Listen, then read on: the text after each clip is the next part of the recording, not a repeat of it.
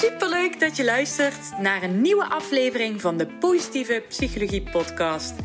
De podcast waarin ik je alles leer over de kracht van positieve psychologie, mijn eigen ervaringen deel en tips geef voor een positievere mindset. Zo leg jij de fundering voor een gelukkiger leven. Hoi, lieve lieve luisteraars. Welkom bij een nieuwe aflevering van de Positieve Psychologie Podcast. Vandaag heb ik een gast en een hele leuke, want ik wilde haar echt al heel erg lang in de podcast te gast hebben. Maar vandaag is het dan eindelijk gelukt. Sabine Klaver, psycholoog, van harte welkom. Dankjewel, wat een uh, lieve woorden en wat een mooie aankondiging. Ik vind het uh, superleuk dat ik hier te gast mag zijn. Dankjewel daarvoor. Ja, nou, ik, uh, ik ben blij, want ik, ik, volg je al een tijdje en ik vind dat je super toffe dingen deelt. Zelfs laatst onlangs een boek geschreven ja. wat ik met heel veel plezier aan het, uh, aan het lezen ben. Maar uh, ja, ik zou zeggen, stel je gerust jezelf eventjes kort voor. ja, dat is altijd een goeie, hè? Nou ja, Sabine, Sabine Klaver. Ik ben 31 jaar. Daar moet ik altijd heel lang over nadenken. Ik heb van de week deed ik een, een quiz waarbij je allerlei vragen moest beantwoorden. En dan gingen zij raden hoe oud je was. En toen kwam daar 14 uit. dus ik weet niet wat dat zegt. De gevoelsleeftijd. Ik wil graag, uh, ik wil graag geloven dat ik hè, jong van geest ben. Maar ik wist, weet niet of zo jong nou, uh, nou zo positief is. Maar goed, 31 jaar. En ik, uh, ik werk als psycholoog. En dat doe ik parttime dus in de GGZ. Dus de typische therapie zoals je je dat kan voorstellen. Eén op één, maar ook groepstherapie. En daarnaast eigenlijk alle andere werkzaamheden die ik doe, hebben ook allemaal met mentale gezondheid te maken op de een of andere manier. Dat is ooit begonnen met een podcast uh, jaren geleden, psychologisch podcast. En ja, dat was met het idee eigenlijk dat ik vond dat alles wat in die behandelkamer besproken werd, hè, dat dat eigenlijk voor iedereen heel helpend zou zijn om te horen. Mhm. En dat al die lessen die daaruit komen, ja, voor iedereen nuttig zouden zijn. En dat het eigenlijk zonde is dat dat maar beperkt bleef tot uh, ja, de vier muren van de behandelkamer. En mhm. daarom wilde ik ook graag op een wat grotere schaal ook ja, dat soort dingen naar buiten brengen. Dus het, het, contact met een cliënt is heel erg waardevol, maar dat is één op één. En ja, ik wilde graag dat dat ook wat meer naar buiten kon komen. En ook een stukje het allemaal wat, wat normaliseren. En dat zo is het ooit begonnen en dat is een beetje gaan rollen. En uh, nou ja, daardoor ook uh, lezingen en trainingen gaan geven. En dat doe ik nog steeds. En op een gegeven moment kwam er inderdaad een boek. En die is, uh, ja, die is in juni dit jaar uitgekomen. En dat, ja, dat is heel bijzonder en onwerkelijk en heel leuk. Ja, maar ook heel ja. spannend volgens mij als ik zie wat je deelt. Want oh, ja, je hele leven, je leven ligt gewoon open en bloot op straat ineens. ja, ja. ja. ja. Ja, en dat is, want het, het verhaal, of het is eigenlijk zo opgedeeld, het boek, dat het, um, het beantwoordt drie vragen. Wat voel ik, waarom voel ik het en wat kan ik doen? Maar het wisselt steeds tussen mijn eigen verhaal van toen ik als psycholoog in therapie ging. En me dus, ja, zoals ik altijd zeg, een beetje voelde als de tandarts met het slechte gebit. Ik dacht, ik zou het toch allemaal moeten weten. Hoe kan het nou dat ik zo vastloop? Dus ik schaamde me heel erg. Nou, en uiteindelijk ging ik in therapie en daar, daar gaat het over. Maar het wisselt ook steeds af met uh, de verhalen van mijn cliënten. Dus juist van mijn werk als psycholoog en alles ja, wat mijn cliënten meemaken. En ja, dat, dat perspectief eigenlijk, dat wisselt steeds. En het gaat dus niet alleen maar over mij. Dat, is, dat vind ik een belangrijk om te, om te noemen. Het is geen uh, biografie of zo. Het gaat, gaat gelukkig niet alleen maar over mij. Maar er zit natuurlijk wel ja, het is ook een deel heel persoonlijk. En uh, daarin kreeg ik uh, ten tijde van de boeklancering in de, in de interview... Ja, er worden dan allemaal interviews gedaan met journalisten ja. voor, voor tijdschriften en dingen. En um, toen vroeg ook een journalist op een gegeven moment van... Ja, ben je niet uh, heel erg bang? En toen schrok ik een beetje van, ja, bang, hè? Waar, waar moet ik precies bang voor zijn? Ja, en toen zei zij, ja, je bent wel heel erg open in je boek. En meteen kwam weer eventjes hè, die, een klein stukje van die oude schaamte terug. Van ja, shit, ben ik misschien te open? Kan ik dan niet nog een professionele psycholoog zijn? En wat gaan mensen denken? En eigenlijk meteen zakte dat weer, die schaamte, omdat ik besefte, ja, maar dit is misschien wel mijn verhaal, maar ook weer niet. Want het is, het is ook een universeel verhaal. Dit zijn uh, emoties, um, gedachten, gevoelens ja, dingen waar, waar iedereen tegenaan loopt op de een of andere manier. Dus ja, ja je bent naast is... psycholoog ook gewoon mens. Tuurlijk, ja, dat, dat vergeten mensen vaak, maar absoluut. Ja. Nou ja, en wij hebben ook allemaal onze struggles en wij lopen ook tegen allerlei dingen van het leven aan. Als het zo simpel was dat je hè, je moest psychologie studeren, dan zou je nooit meer ergens last van hebben. Dan zou de hele wereld psychologie studeren, denk ik. Dat is natuurlijk niet het, uh, niet het geval. En ja, het is, het is dus wel mijn verhaal, maar het is ook gewoon een verhaal van zoveel. Dus ja, vandaar dat, uh, ja, inderdaad, ik ben heel open en dat is soms spannend. En tegelijkertijd weet ik ook, uh, het is ook heel normaal alle ja, gedachten en gevoelens die ik toen uh, heb gehad. Ja, ja, wat ik, wat ik vooral heel tof vind uh, aan je boek, ik, ik ben, ben er bijna helemaal doorheen inmiddels. Dus, oh, spannend. Uh, ja, ja. nee, het, leest, het leest allereerst uh, makkelijk weg. En ik heb veel van die zelfhulpboeken wel geprobeerd.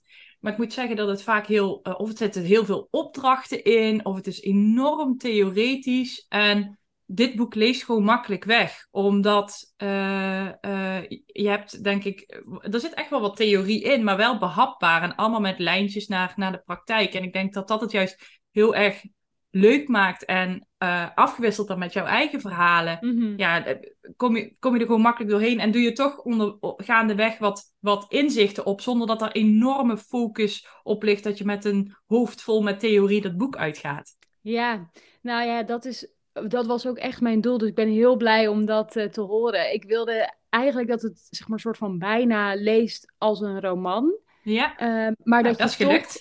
Eh, nou ja, dat, dat hoop ik. Dat, uh, ja, dat hoop ik. Want ik, ja, dat je, dus dat het lezen als een roman, dus dat het ook nog een soort van ontspannend lezen is. En dat je tegelijkertijd inderdaad veel inzichten kan opdoen. Maar meer verhalend dan dat er staat. Hè? Dit zijn de tien stappen naar, nou ja, Meestal is dat geluk of iets in die trant. Mm omdat ik zelf inderdaad, nou ja, natuurlijk, hè, uit, het is mijn werk, maar het is ook waar mijn interesse ligt. Dus ik uh, las ook uh, veel zelf, veel boeken. En ja, het wisselt echt per boek, maar ik, ik worstel daar vaak ook een beetje uh, doorheen. En het voelt soms ook, zeker als dat vanuit de expert geschreven is, dat het ja, wel een beetje zo de alwetende expert die gaat jou even vertellen hoe je het allemaal moet doen. Mhm. Ja, dat komt bij mij ook meestal nou niet zo heel erg binnen. Het, het, het, leest dan echt als een studieboek. En ja, dat is niet, voor mij niet heel erg ontspannend uh, lezen. Dus dat wilde ik heel graag anders doen. Ja. Ja, ja, ik moet zeggen, ik, ik kan jouw boek gewoon lezen voor het slapen gaan, zeg maar. En het is niet dat je dan allerlei processen aftrapt van, nou, hoe gaan we mhm. dit nou morgen eens even anders aanpakken? Ja, dus, ja ik heb uh, iemand stuurde, want ik krijg, ik krijg superveel leuke berichten nu, oh, dat is echt heel bijzonder. Maar ook iemand die stuurde, die was op vakantie met haar vriend. En die vriend zei, hè, die zag mijn boek, ja, moet, moet je dit nu wel lezen tijdens je vakantie? En toen zei zij, ja, nee, het is eigenlijk juist heel lekker uh, strand, uh, strandlectuur, zeg maar. Dus ja, het, blijkbaar kan het inderdaad ook gewoon op het strand ervoor het slapen gaan. Dus dat is echt heel fijn om te horen, want ja, dat, dat wilde ik graag. En... Um, soms hè, de dingen die erin staan zijn al zwaar genoeg. Dus ik, ik wil de toon en ja, ook niet nog veel zwaarder maken. Mm Nou ja, ik, maar vanuit mijn perspectief in ieder geval uh, denk ik dat je er goed dank in geslaagd bent. Dankjewel, ja, ja, fijn. hey, en uh, je zegt van, nou, ik, uh, ik merk dat er heel soms nog wat schaamte oppopt rond, rondom een, een, psycholoog die zelf naar een psycholoog toe mhm. gaat. Ehm, hoe, hoe, hoe is dat in jouw omgeving? Herken jij bijvoorbeeld andere collega-psychologen die ook met dit thema worstelen? Ja, ik denk dat het heel veel voorkomt. dus waar ik eerst zei van uh, alsof een, een studie psychologie alles op zou lossen. Ik denk misschien zelfs dat het omgekeerde waar is. Dat vaak uh, dat, je, dat het een populatie is uh, waar misschien wel nog, nog vaker dan gemiddeld. en dat, heb ik, dat weet ik helemaal niet wetenschappelijk hoor. Maar dat, dat gok ik zo. Dat zeggen ze ook altijd. Hè, van ja, dat dat zijn de ergste. Nou, niks ergs aan natuurlijk. Maar ik denk wat, uh, wat heel lastig is, is dat we in de studie wordt wel heel erg geleerd om ja, die soort van alwetende psycholoog te zijn. En wordt ook heel erg benadrukt hoe belangrijk de afstand, ja, slash nabijheid, maar vooral afstand tussen jou en je cliënt is. Dus hè, je mag echt niet in de buurt komen van. Uh, ja, van, van vriendschap. Maar je, tegelijkertijd moet je wel een, een enorme vertrouwensband hebben. Maar je moet je wel eigenlijk jezelf steeds soort van boven de cliënt stellen. En ja, ja, de afstand tussen jullie eh, bewaken. Want ja, de cliënt zou maar eens afhankelijk uh, van je kunnen worden. En uh, dan kan je het zelf niet meer helder bekijken en zo. Ja, maar is dat niet een beetje, een beetje achterhaald ook? Want ik snap, ik snap, ik snap niet dat je, ik snap dat je geen, vrienden, geen vriendschappelijke relatie Tuurlijk, aan moet nee, gaan met je dat, cliënt. dat is het ook niet. Het is Hè, maar ik, ik denk ook best dat je, wat je misschien jezelf wel een klein stukje mag blootgeven. En door juist misschien ook wat van jouw eigen ervaringen te delen. En dat hoeft echt niet in alle detail. eh, Mhm. Maar ik denk dat dat juist kan zorgen, juist voor die nabijheid en die vertrouwensband. Ja, nou ja, eh, precies dat. Want tegen wie, welke psycholoog zou jij opener zijn? Degene die daar op bijna een soort van op een plateau, hè, een soort ivoren Mhm. toren zit en die zegt, ja, je moet dit en je moet dat en zo kan je het aanpakken. Eh, maar waarvan je geen idee hebt, wie is zij? Wat vindt zij leuk? Wat vindt zij van mij? Wat vindt zij van haar werk? Wat vindt ze van... Hè, waar, waarbij je dat totaal niet voelt. Of de psycholoog die jou in de wachtruimte al komt ophalen en die, eh, hè, je hebt het al eventjes over jullie weekendplannen of je hebt het over, ik veel, eh, je huisdier of, ehm, nou ja, dat al. En die ook af en toe zegt, goh, ja, ik begrijp dat heel- dit heel lastig voor je is en eh, ja, ik, ik zit zelf ook eh, soms hè, met zulke gedachten, alleen ik ga er zo en zo mee om bijvoorbeeld, ik zeg maar wat. Ja, tegen wie, bij wie zou je je meer op je gemak voelen? Volgens mij is dat toch een heel duidelijk antwoord. Ja, lijkt mij ook. Het, lijkt, het laatste klinkt mij in ieder geval een stuk menselijker. Ja, nou ja, en ik denk, je, je hebt, kijk, inderdaad, wat jij zegt, je bent geen vrienden. En dat is ook, dat zou ook niet helpend zijn, want je hebt geen, in die zin, hè, ik weet eigenlijk altijd meer van een cliënt dan een cliënt van mij. Ik moet wel zeggen, met het boek, als ze dat vooraf zouden lezen, dan weten ze toch al een stuk meer. Maar, maar toch, hè, je, je weet altijd meer van een cliënt als, als psycholoog zijnde. Alleen, ik denk dat gelijkwaardigheid en een gevoel van gelijkwaardigheid wel een heel belangrijke basis is om dat vertrouwen op te bouwen. En ik denk dat het daarin alleen maar heel helpend kan zijn als je af en toe iets, iets over jezelf deelt. Of dat nou over, nou ja, wat ik zei, je weekendplannen of een huisdier is, of over dingen waar je zelf wel eens mee worstelt. Ja. En natuurlijk altijd in functie van de cliënt, hè, want het gaat in therapie om de cliënt, het gaat niet om mij. Dus ik zal wel altijd nadenken over of ik denk dat hè, hetgeen wat ik met een cliënt deel, of dat diegene kan helpen. Die inschatting maak je altijd, want ik wil wel dat het functioneel is. Mhm. Maar ik denk dat het alleen maar heel goed is als, eh, als iemand ook de menselijkheid van de therapeut ziet en dat dat alleen maar bijdraagt aan het vertrouwen. En we weten dat vertrouwen, hè, als, als dat er niet is, dan gaat de hele behandeling niet werken. Dus ja, wat zijn we dan eigenlijk aan het doen?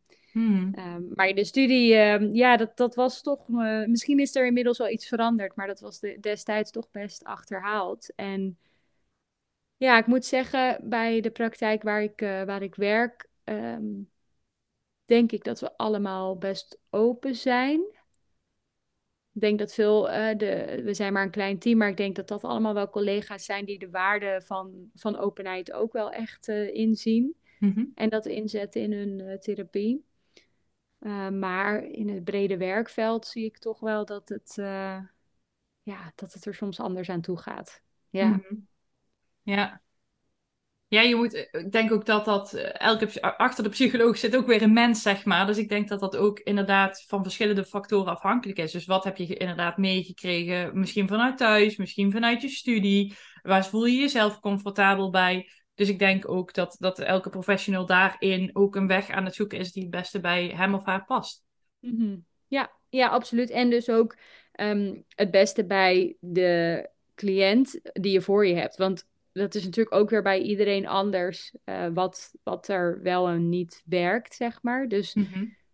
maar ik denk, ja, je kan, ik kan inmiddels, ik bijna niet anders. Ik vraag me soms ook af van, nou ja, hoe deed ik dat toen? Hè, zo helemaal vooraf uh, ja, aan mijn hele vastlopen en, uh, en therapie, eigen therapietraject.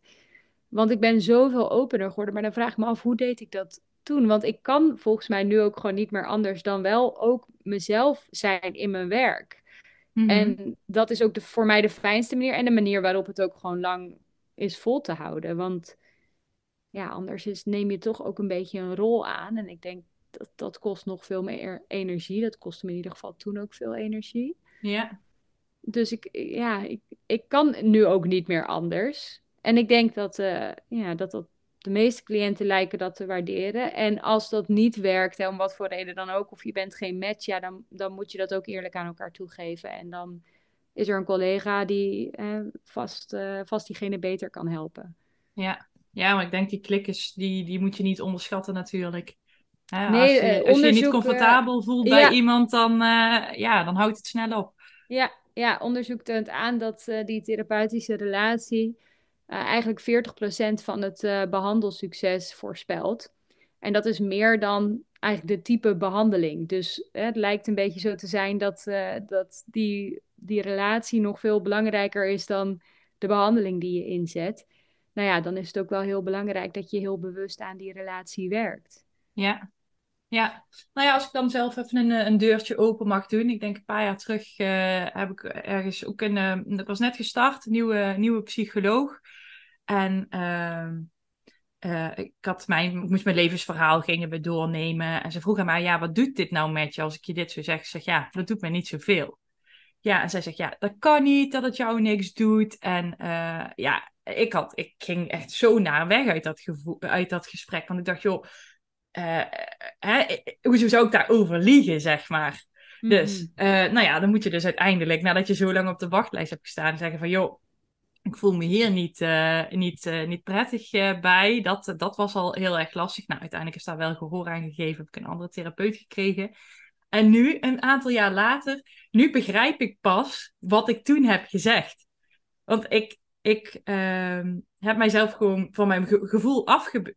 Of ja, hoe zeg je dat? Beschermd van mijn gevoel. Waardoor ik oprecht mezelf ervan overtuigd heb gehad dat ik op dat moment niks voelde. Wat zij niet mm. geloofde. Wat uiteindelijk ook bleek dat het niet de waarheid was.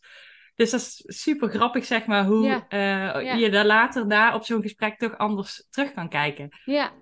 Ja, terwijl ook dan was ook de vraag of haar aanpak op dat moment het beste aansloot bij jou. Want het maakte dus dat, je, dat die bescherming eigenlijk alleen nog maar meer omhoog ging. In plaats van dat die naar beneden ging. Hè? Terwijl zij bedoelde vast goed. Ik denk ik wil ook graag dat we ja, wel blijven geloven, ondanks dat ervaringen die mensen met psychologen hebben heel erg uiteenlopend zijn. En dus ook heel erg kunnen wisselen, maar dat we wel geloven dat psychologen willen echt wel gewoon dat jij beter wordt. Dat is waarom ze het werk doen, dat is het, jullie gemeenschappelijke doel. Alleen de aanpak daarin, ja, ja dat, dat wisselt wel. Hey, mag ik vragen, Eline, hoe je dat gesprek toen bent aangegaan om dus te vragen om een andere behandelaar? Want ik, ik weet, ik krijg vaak uh, DM's ook op Instagram dat uh, mensen met die vraag komen van hoe ga ik dat dan aangeven? Want ik zeg ook altijd, je hebt altijd recht om te wisselen van behandelaar. Maar ga maar eens tegen degene ja, die dan recht voor jou zit, inderdaad na lang wachten op behandeling ga dan maar eens heel assertief zeggen: Ja, maar ik wil niet met jou. Dat is natuurlijk super ingewikkeld. Maar hoe, hoe heb jij dat toen aangepakt? Uh, nou, ik ben wel redelijk vermijdend, als ik heel eerlijk ben. Maar uh, met, uh, met de e-mail durf ik wel. Dus wat heb ik gedaan? Dus ik heb dat niet toen tegen haar gezegd. Uh, ik heb dat gesprek gewoon uitgezeten eigenlijk. Uh, en daarna dacht ik, joh, dit, dit gaat hem niet worden. Dus ik heb naar de persoon uh, die de intake, et cetera, had gedaan, meer van zo'n centrale balie. Daar heb ik jou aangegeven van, joh, uh, hè, dit voelt, voelt niet prettig. Is het mogelijk om, om te wisselen? Die persoon heeft mij daarna gebeld en ik heb het daar uitgelegd. Uh, en, en toen had ik heel erg het gevoel van, ja, zij gelooft me niet, zeg maar. Hè, ze twijfelt aan mijn oprechtheid. Ja, nou ja, zij heeft me uitgelegd, ja, dat kan het dus wel nu de consequentie hebben dat je nog in x aantal maanden moet wachten. Nou ja, die consequentie heb ik toen voor lief genomen. En volgens mij drie maanden daarna kon ik opnieuw starten. Ja. Oké. Ja, ja, dus eigenlijk ehm, heb je een weg gevonden om dat te delen zonder dat je hè, diegene recht in de ogen moest kijken. Dat is ook wel wat ik vaak zeg, hè, van even los van of je van behandelaar wil switchen, maar als je iets moeilijks sorry, als je iets moeilijks met je uh, therapeut of behandelaar wil bespreken, maar je weet dat je dat als je eenmaal in de kamer zit heel lastig gaat vinden, probeer dan een andere weg te vinden, zoals via e-mail vooraf, hè, zodat je ja, al een soort stok achter de deur hebt, dat het in ieder geval eruit is en dan zie je wel hoe het opgevolgd wordt. Maar dat is absoluut denk ik ook een goede weg. Ja, ja, zo heb ik het aangepakt. Ik dacht, ja, dit gaat hem sowieso niet worden. Dat, dat, voelde, ik, dat voelde ik meteen. Ja. En zij heeft toen nog wel tegen mij gezegd, joh, wil je niet nog een kans geven? Um, ja, nee, ja, het ging zo tegen, tegen mijn gevoel. En toen dacht ik, nee, dat moet ik, uh, dat moet ik gewoon niet doen. Ja, dus, maar je zegt achteraf was dat wel, zie ik in dat dat ook een beschermingsmechanisme was. Ja, terwijl ik dat, ik, ik heb nu, ik, ik ben nu sinds een jaar bezig met, met schematherapie. Dus ik ben nu, ik heb nu heel veel inzicht gekregen in al die type hmm. beschermers. En daar is er één geweest, maar ik was bijna die beschermer geworden. Dus ik kon niet eens meer zien dat daar gevoel achter zat. Ja, ja, en inmiddels kan ik dat uit elkaar trekken en weet ik ook met welk schema zij bijvoorbeeld heeft getriggerd op dat moment. En dat is het schema dat, dat ik lieg, dat ik niet de waarheid vertel. Dus daarom is die beschermer daardoor nog heftiger geactiveerd. Ja, precies. Ja, want en, en had, hoe had zij dat anders kunnen doen? Want ik snap ergens dus, zij merkte wel, dit kan eigenlijk niet waar zijn. Dus zij merkte, er, er gebeurt iets wat blokkeert. Alleen de aanpak, die, die werkte niet bij jou. Had, ze, had zij daar iets anders kunnen doen, wat misschien wel meer helpend was geweest, denk je? Oeh, ja, vind ik, vind ik, vind ik een goede vraag. Ehm, ik denk misschien dat het goed was geweest dat zij die conclusie voor zichzelf had getrokken. En, en het daarbij even had gelaten. En er misschien op een later moment op terug was gekomen. Want nu... Ja, dus eigenlijk, ja, als jullie behandelrelatie, als dat vertrouwen meer was opgebouwd. Precies. Dan was het meer de tijd geweest om jou te confronteren met. Ja, ja dat denk ik wel. Ja. Ja. ja. ja. Want dan had, ik die, dan had ik die systemen en die structuren ook beter gesnapt. En dan snap ik ook waar het vandaan komt. En dat, daar was ik toen nog echt niet. Nee. Nee. nee. Nee, en ik denk dat we als uh, behandelaren heel erg moeten oppassen met ehm,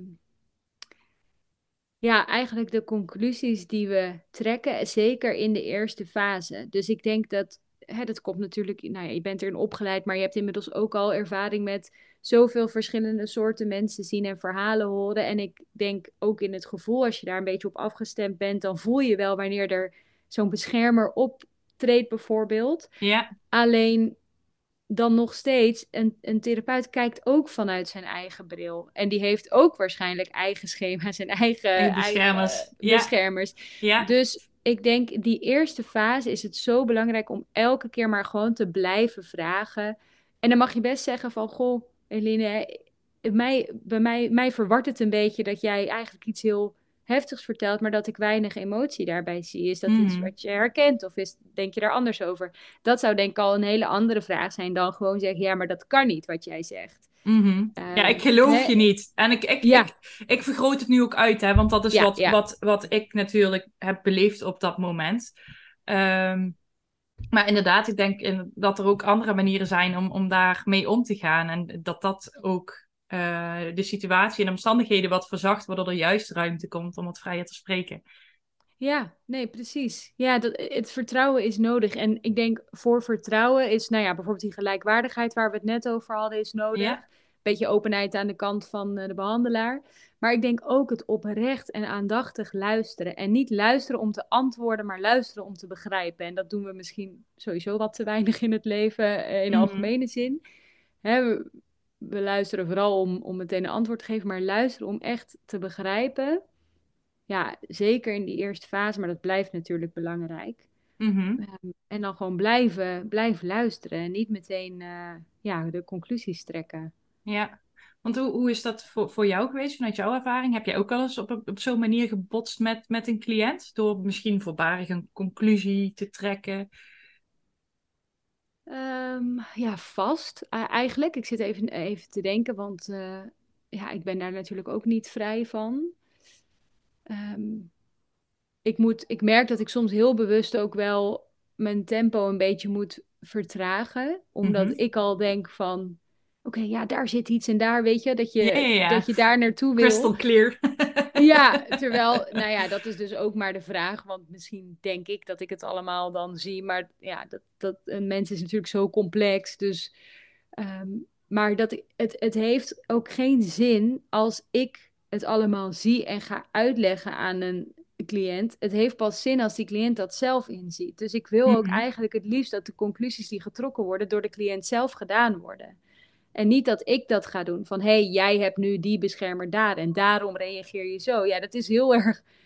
Nou ja, ik vind dat sowieso een, een, beetje belerend. Maar het is ook, het heeft veel minder impact dan wanneer een cliënt zelf tot die conclusie komt. Mm En ik denk ook dat dan pas therapie werkt. Hè? Dat je op het moment dat je de woorden die ik tegen je zeg zelf gaat geloven en tegen jezelf gaat zeggen, dan pas heeft het effect. En ehm, dus ik, maar ik moet me soms wel inhouden om dan niet al te veel te willen, ja, te willen oplossen in die zin ook. Hè? Want je wil gewoon dat het goed gaat met een cliënt. En soms denk je ook, wil je bijna iemand door elkaar schudden van waarom doe je zo tegen jezelf? En dit kan zoveel anders en dit kan zoveel fijner voor jezelf. Maar ja, ik kan dat vinden. En waarschijnlijk vinden mensen in de omgeving van die persoon dat ook. Maar die persoon moet dat zelf gaan geloven. En dan mhm. pas kan er echt verandering optreden.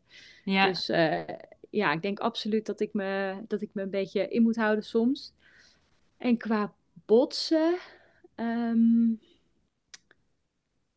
ik kan me niet herinneren dat het echt een keer echt gebotst, geëscaleerd heeft, is.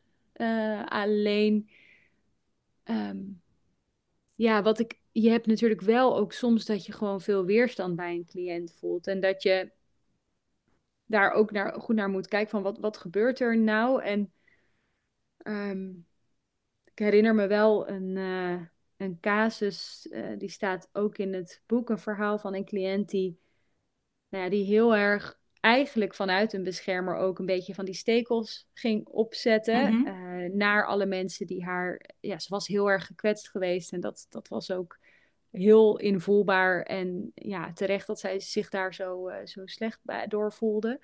Alleen haar reactie daarop was: oké, dan ga ik iedereen afstoten die, die me lief is en die dichtbij me staat, zodat ik niet opnieuw gekwetst word. Mhm. En op een gegeven moment merkte ik in, in de behandeling, ook, dat was ook al vrij snel, dat ze ook heel erg ja, die stekels naar mij ging uitzetten. En dan kan je natuurlijk wel ook in eerste instantie voelen, nou, hallo, weet je wel, van Ik, ik, probeer je te helpen, weet je, van ik, eh, nou ja, en dan moet je je ook, dan moet je even een stap achteruit zetten, kijken, wat gebeurt hier nou? En toen besefte ik me, ja, volgens mij is dit, dit wat ze ook doet in haar eigen omgeving. Dus dat is natuurlijk heel logisch dat ze dat dan ook naar mij doet. Want het is ja, overleven wat ze aan het doen is eigenlijk. Absoluut, absoluut. En ehm, op een gegeven moment ja, moet je het daar wel over gaan hebben samen. En dat zijn soms moeilijke gesprekken. Want je wil, ik wil haar niet het gevoel geven dat zij ja, de oorzaak is van, van de klachten. Dat is ze natuurlijk niet. Dit is inderdaad een overlevingsmechanisme. Ze probeert zichzelf te beschermen tegen, tegen meer afwijzing bovenop de afwijzing waar ze al mee te maken had gekregen. Alleen iemand moet wel op een gegeven moment ehm, ja, ook gaan inzien van wat kan ik zelf nog doen. Hè? Ik, zeg, ik zeg dus altijd tegen cliënten, schuld heb je niet, maar verantwoordelijkheid wel. En mhm. als je het anders wil voor jezelf, dan zal je ook, ook al ben jij niet de, de oorzaak of de schuldige aan wat er is gebeurd en wat je allemaal voelt, je bent wel de verantwoordelijke om het aan te pakken, want niemand anders gaat dat voor je doen. Dus, dus jij moet die touwtjes in handen gaan nemen. Mhm. en, maar ja, dat is wel een dunne lijn. Daarvoor moet het vertrouwen er ook al wel, wel een beetje zijn. En moet je. Ja, dat, ik, bij deze cliënt weet ik ook niet of dat er. Dat, ik nam echt wel een risico door dat met haar te bespreken. Want ik voelde dus ook juist door die stekels niet dat er een enorme basis van vertrouwen was. Ja. Ik heb dit natuurlijk ook niet de eerste sessie aangekaart. Maar ehm, ja, ik, ik dacht wel, er, dit moet we moeten het hierover hebben om verder te komen. Maar het had ook zomaar gekund dat ze had gezegd: Ja, eh, wie de fuck denk jij dat je bent? En nooit meer was teruggekomen. Ja. Uh, dus soms neem je in die zin ook wel een risico. En ik, ik vond dat uh, toen wel spannend. Snap ik. Maar gelukkig kon ze het uiteindelijk goed, goed oppikken. Ja, ja. Je, je, je geeft je feedback op de stekels, maar zij is niet de stekels. Absoluut. ja. ja. En, ja, nee, en, en, daarmee spreek je iemand niet aan op, op, op, op de persoon zelf, maar eerder op, op de coping of de beschermer die ze op dat moment actief heeft. Ja. ja. Nee, absoluut. Dit, dit, is niet, dit zijn niks over haar persoon, helemaal niet. Ehm, en ik denk dat het ook, als je het uitlegt als beschermer en als, ja, absoluut, dan, dan ja, je, je, je wil iemand daar helemaal niet mee kwetsen. Maar dat is, dat is ook helemaal niet de intentie. Want het gaat inderdaad om het gedrag. En het gaat helemaal niet om haar als persoon. Zij is evenveel waard, ook met die stekels.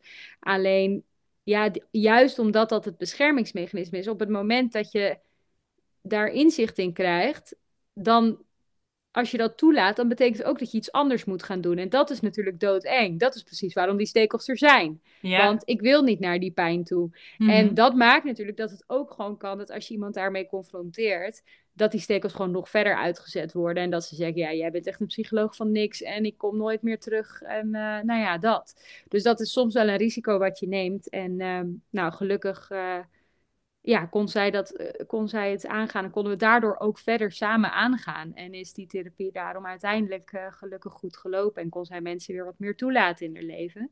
Ehm, maar dat was wel uh, spannend. Dus soms echt botsen doet het niet, maar die confrontatie in die zin, ja, die, die is er af en toe wel. Ja. ja, therapie schuurt ook vaak. Het is niet alleen maar weeg ja, geklets over de birds en de bees, maar het is echt, uh, ja, het is... Uh, nee, Zonder wrijving geen glans. precies, nou, heel mooi Eline, inderdaad. Zo is het maar net. Ja. ja. ja. snap ik. En het is soms ook nodig, want soms zul je ook ergens mee geconfronteerd moeten worden. En dat is niet leuk, maar soms wel heel erg nodig, juist om... Uh, dat inzicht te krijgen. Denk altijd aan dat onbewust, onbekwaam, weet je wel, die leercirkel ja. van, van kop. Dus ja. Ja. Ja, het is, het is nodig, maar het is, het is niet leuk. Nee, ik, ik, zeker niet. zeg ook vaak tegen, tegen cliënt van, ja, je komt hier niet voor, voor je lol, voor je plezier of je ontspanning. Dat, uh, ja, en, en daarom vind ik het zo dapper dat mensen het wel aangaan, want het is in die zin ook echt wel ook een investering. Ja, ja, ja. absoluut. Ja. ja, ik denk altijd dat therapie voor dappere mensen is. absoluut, ja. Ja. Nou, dan zijn wij hele dappere mensen, Eline. Ja, absoluut. ja, maar dat denk ik wel, joh. Ik denk, uh, ik zie vaak mensen die, die uh, gewoon in de slachtofferrol blijven hangen. Nou, alles is de schuld van iedereen, maar niet naar zichzelf durven kijken. En denk, oh, die mensen gun ik het zo ontzettend om, om dat patroon te doorbreken.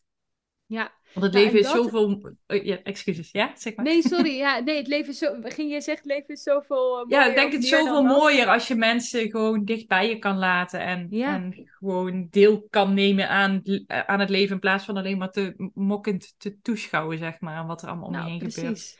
En dat was dus bij, bij die cliënten die, waar ik net over vertelde, de cliënt met stekels, die, uh, die, die had dat ook. Die, die is daarin beland. En ze was ook daadwerkelijk uh, slachtoffer van heel veel verdriet. Ja, je leest het verhaal verder in mijn boek. Maar, die, um, maar tegelijkertijd had ze inderdaad zelf die verantwoordelijkheid ook. En die nam ze niet, maar ze wees alleen maar naar anderen. Alleen het voordeel wat ik in die zin had en wat me ook hielp om het risico te nemen, om daar haar daarmee te confronteren, was wel, ze is in therapie. Dus er is iets wat haar heeft gezegd van ik wil dit anders voor mezelf. Dus ik ga naar de huisarts en ik ga, precies, er, ik ga een doorverwijzing en ik ga op intake en al die stappen had ze doorlopen. Dus er moet iets in haar zijn geweest wat wel dacht, ja, zoals het nu gaat, het leven, dat wil ik niet. Mm -hmm. um, en dat is wel vaak, dat is het eerste stukje waar je iets mee kan. Um, want er moet een gezonde kant in iemand zijn die zegt: Ja, ik wil het beter voor mezelf. Ik wil het fijner voor mezelf. En daar kan je dan uiteindelijk op verder bouwen. Ook al is het maar een heel klein stukje, daar kan je mee verder. Ja, ja. want die persoon blijft terugkomen. Dus dat is, dat is wel het teken dat, dat, dat er nog steeds dat verlangen zit om het anders te gaan doen. Ja, precies. Nou, inderdaad, heel mooi zoals jij het noemt, verlangen. Dat, dat is er. Dat is er als je, als je in ieder geval bij ons in, uh, in therapie komt. En die stappen heb je allemaal moeten doorlopen. En dat ben je toch gaan doen. Hè? Dus ja, er is inderdaad, het verlangen is er. Ja, alleen, ja, je wordt natuurlijk echt allerlei uh, hobbels op je weg die het nog wel gaan bemoeilijken verder, het proces. Maar het verlangen is er, ja. Ja, ja dat, was, dat was bij jouw persoonlijke verhaal natuurlijk ook zo, hè? Uh, mm -hmm. uh, op een gegeven moment liep je zo vast. Ja, je, er was op een gegeven moment ook het verlangen om uit, uit die situatie te komen. Ja. En uh, hoe, hoe, ik in ieder geval je boek heb gelezen en geïnterpreteerd, was het vooral de grootste strijd tegen jezelf en al alle vooroordelen die jij daarover had. Ja, ja, ja. absoluut. Ja, ik dacht ook als mensen dit weten, dan ga ik nooit meer een goede psycholoog uh, kunnen zijn. Of gaan ze me nooit meer als een, een goede psycholoog uh, zien. Dan kan ik misschien wel nooit meer als psycholoog werken. Oh. Terwijl nu denk ik echt, waar, waar, ja, waar sloeg dat op? Waar, waar had ik dat bedacht? Maar ja, ik denk als je een hele sterke, kritische stem in je hebt, dan vindt hij overal wel wat van. En dan kan hij zelfs nog iets positiefs uh, negatief draaien. Dus uiteindelijk, het, het, ja, natuurlijk wist ik ergens wel dat die gedachten niet reëel waren. Maar op dat moment kon ik gewoon nog niet voldoende weerstand bieden aan die kritische stem. En geloofde ik het toch, ja. Ja, ja en dat heeft ook tijd nodig om uh, tegen die kritische stem uh, op te gaan boksen. Ja, ja. absoluut. Ja, ja, tijd en, en hulp uh, daarbij ook. Dat was echt ja, heel fijn. Want het is, als het zo'n sterke stem is geworden, ja, dan is het ook heel lastig om in je eentje er tegenop te boksen. Het is fijn als je een beetje een team. Uh, ja, misschien moet jij wel de ring in, maar er staat dan wel iemand met een, uh, een coach en er staat iemand met een handdoekje en iemand met een uh, flesje water en een heel publiek ja, ja, wat je aanmoedigt, zeg maar. Dat en een bos bloemen dan... klaar alvast aan de rand als je het gered hebt. Nou, precies. Dus die, die mensen die heb je denk ik wel nodig om uiteindelijk wel dat gevecht in die, in die ring boksen tegen je kritische stem aan te gaan. Ja, en het mooie is dat je hem ook steeds een kopje kleiner uh, slaat. Als we het dan toch uh, over figuurlijke situaties hebben. Ja. ja. Ja, want helemaal weg, die kritische stem hoeft nou ook wel niet. Want hij, de enige functie die die wel heeft, is het ook jou beschermen voor, voor een fout. Um, maar de, de volumeknop mag dan wel, zeg maar, van in plaats van 100 mag je net 2, zeg maar. Ja, nou precies. En dat hij dus inderdaad, als hij wat minder hard tettert. Um, en dat hij vooral iets zegt in geval van ook reële, ja... Dreigende situaties. precies, hè? dus inderdaad als je, als je een fout dreigt te maken of als je iemand anders pijn dreigt te doen of als je nou toch al een tijdje juist moet poetsen, maar dat elke keer uitstelt, dan is het ook fijn dat hij af en toe zegt, nou kom op, nu is het even tijd en... Ja. Uh, Hè, maar als die zegt dat je elke dag drie keer moet stofzuigen, ja, dat is, uh, dat is niet nodig natuurlijk. Mm Nou ja, en ik denk dat het een mooi voorbeeld is waar we de aflevering uh, mee starten, is dat toen die interviewer dat aan, aan jou vroeg, dat je hoept, hè, dat die kritische stem eigenlijk de volumeknop aanging en dat jij heel snel had van, eh, nee, past niet bij de situatie, laten we hem uh, ja. weer terugschroeven. Dus helemaal Dat zeg je mooi. Ja. Oh, ja? ja?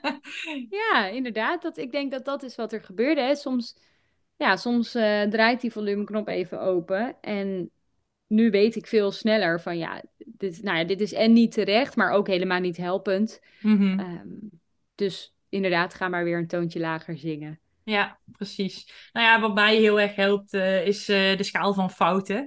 Uh, heb ik laatst mhm. ook in een andere aflevering gedeeld. Bij mij was elke fout op de schaal van 10, zeg maar. Gewoon, ik heb het echt verpest voor altijd. Um, maar eh, mijn psycholoog heeft geleerd, joh, tien is iemand vermoorden, zeg maar. Dat is echt een mhm. delict. Dus uh, mij helpt het om heel erg terug te gaan op de schaal van fouten. Ja, hoe grote fouten heb ik nou eigenlijk uh, begaan? En de meeste zitten eigenlijk tussen de 0 en 1 van, oh, was niet helemaal handig. Of een type foutje, weet je. Dus daarmee, dat helpt mij ook weer die volumeknop weer terug te zetten. ja. ja. wat mooi. Ja, ja dus, beter de fouten kwantificeren. Ja, ja, wat goed. Nou ja, dat maakt het meteen heel inzichtelijk, hè, omdat we zo snel vervallen in die, ja, die zwart-wit beelden van ik, ik heb het vreselijkste ooit gedaan en ik ben altijd, doe ik het verkeerd en ik, nou ja, en allemaal van dat soort termen. Altijd nooit, ja. ja. Ja, terwijl wat, ja, wat is er daadwerkelijk aan de hand? Ja, hmm. wat goed. Ja, zeker. hey Sabine, um, heb jij nog als laatste een, uh, een tip voor de mensen die aan het luisteren zijn, die ergens mee struggelen. Zo de meest open vraag die ik maar kan stellen. ja, in die zin is het. Uh, ik, het is natuurlijk echt super erg bij van WC Eend als ik dan ga zeggen: Mijn tip is lees mijn boek. uh, dat, nee, dat. Zou ik heel leuk vinden, maar ik, nee, dat, dat moet je echt helemaal zelf beslissen. Maar daar staan wel veel, denk ik, ja, tips en zo in verweven. Ehm, maar ik denk dat inderdaad als je worstelt, hè, voor mensen die ergens mee worstelen, nou, dat zijn volgens mij alle mensen uh, in de wereld. Um, maar dat heel veel van je last zit in de manier van omgaan met, uh, met wat je voelt. En dat is wat ik ook had. Hè. Ik, ik voelde me heel somber, ik voelde me angstig, maar ik was daar enorm tegen in gevecht, want ik vond dat ik dat allemaal niet mocht voelen. Ik had daar geen reden toe. Ik had alle factoren voor een gelukkig leven. Dus wat stelde ik me nou eigenlijk aan? Eh, mhm. ik wilde niet dat anderen het zouden zien uit schaamte. Ik wilde, nou, het was, ik had misschien eigenlijk die somberheid en angst waren heel erg naar. Maar ik had misschien nog wel meer last van hoe ik daarmee omging. In, en dat zorgde gewoon in ieder geval voor, voor ja, nog veel meer invloed van die somberheid en angst. En daardoor zette ik mezelf helemaal vast en verliepen de klachten ook van kwaad tot erger. En ik denk als je ja, die pijn hoe, hoe, wat meer kan toelaten, goed kan verzorgen, hè, je, goed kan, ja, ik zeg in het boek ook eh, op een gegeven moment van troost, verzorging, verandering. Dat is een beetje de volgorde. Dus mhm. hè, eerst gewoon het gevoel toelaten en troosten. Een beetje zoals je dat bij een kind ook zou doen. Um, hè, als die van zijn fiets zou vallen, dan zou je niet meteen zeggen, hè, en, en een bloedende knie en, en heel veel tranen, zou je ook niet zeggen van, je moet meteen weer op de fiets om uh, er overheen te komen. Nee, je zou eerst even knuffel geven, tranen sussen, daarna zou je de verzorging doen, hè, dan zou je die wond schoonmaken, een pleister erop plakken en daarna ga je pas zeggen, hé, hey, laten we nou weer le leuk eens samen gaan fietsen en ik help je erbij. Mm hè, en um, ja, ik denk dat dat die, die stappen, zeker troost en verzorging, die slaan we heel vaak over. We willen meteen van het gevoel af. We willen meteen dat het anders is. We willen meteen ja. Ehm, ja dat, het, dat we gelukkiger zijn. En, en dat gaat gewoon niet. Die, die stappen zijn er niet. Eh, je doet jezelf in ieder geval heel erg tekort. En waarschijnlijk maakt het ook, ook alleen nog maar erger op de lange termijn. Mhm. Dus ik denk, dat zou ik willen aanraden. Om eens goed te kijken naar hoe ga je om uh, met, met je pijn. En um, helpt dat je of maakt het het eh, eigenlijk alleen nog maar lastiger voor je? Mhm. Alleen dat is ook wel een grote vraag. En uh, dan zou ik gewoon zeggen, doe het vooral ook niet allemaal alleen. Als je het gevoel hebt, ik kan daar iemand bij gebruiken. Of dat nou een vriend of vriendin is, een buurvrouw, een ouder, een, uh, een broer of zus, um, een huisarts of een praktijkondersteuner of een coach of een, nou, of een psycholoog. Dat, het is, dat is allemaal mogelijk. En ja, kijk wat daarin bij jou, uh, bij jou past. Maar um, dat veranderingsproces verhaal... is, uh, is moeilijk. Nou ja, dus je hoeft het niet alleen te doen. Daar komt het op neer. Ja, ja. ja ik kan je zeggen, als ik hier dan kort even samenvat, is ga op zoek naar zijwieltjes. Als je, om in het fietsthema te blijven. En of, dat, uh, of dat nou jouw boek is, inderdaad, of de huisarts of die vriendin. Maar zorg er in ieder geval voor dat je niet alleen, en niet alleen weer op die fiets hoeft te stappen. Ja, precies. Dat maakt het wat haalbaarder. Het leven is helemaal niet gemaakt om allemaal alleen te doen. Mm Zeker niet. Zeker niet. En daarom zijn er mensen zoals wij. Hè? Ja, we doen ons best. En wij hebben ook weer mensen zoals wij nodig. Dus ja, ja zo... Uh, Infinity Loop. Ja, ja, nou ja, en terecht. Ja, dan doen we het in ieder geval allemaal niet alleen. Zo is dat. Hey Sabine, echt superleuk dat je hier te gast wilde zijn. Dankjewel voor je openheid en eerlijkheid. Um, en jij uh, heel erg bedankt voor het luisteren en tot de volgende keer. doei doei! Heel erg bedankt voor het luisteren. Mocht je deze aflevering interessant hebben gevonden, maak even een screenshot, deel het in je story en tag me op Instagram. Mijn accountnaam is Eline underscore online coaching. Zo gun je ook anderen een positieve mindset. En ik vind het heel erg leuk om te zien wie er allemaal geluisterd hebben. Tot de volgende keer!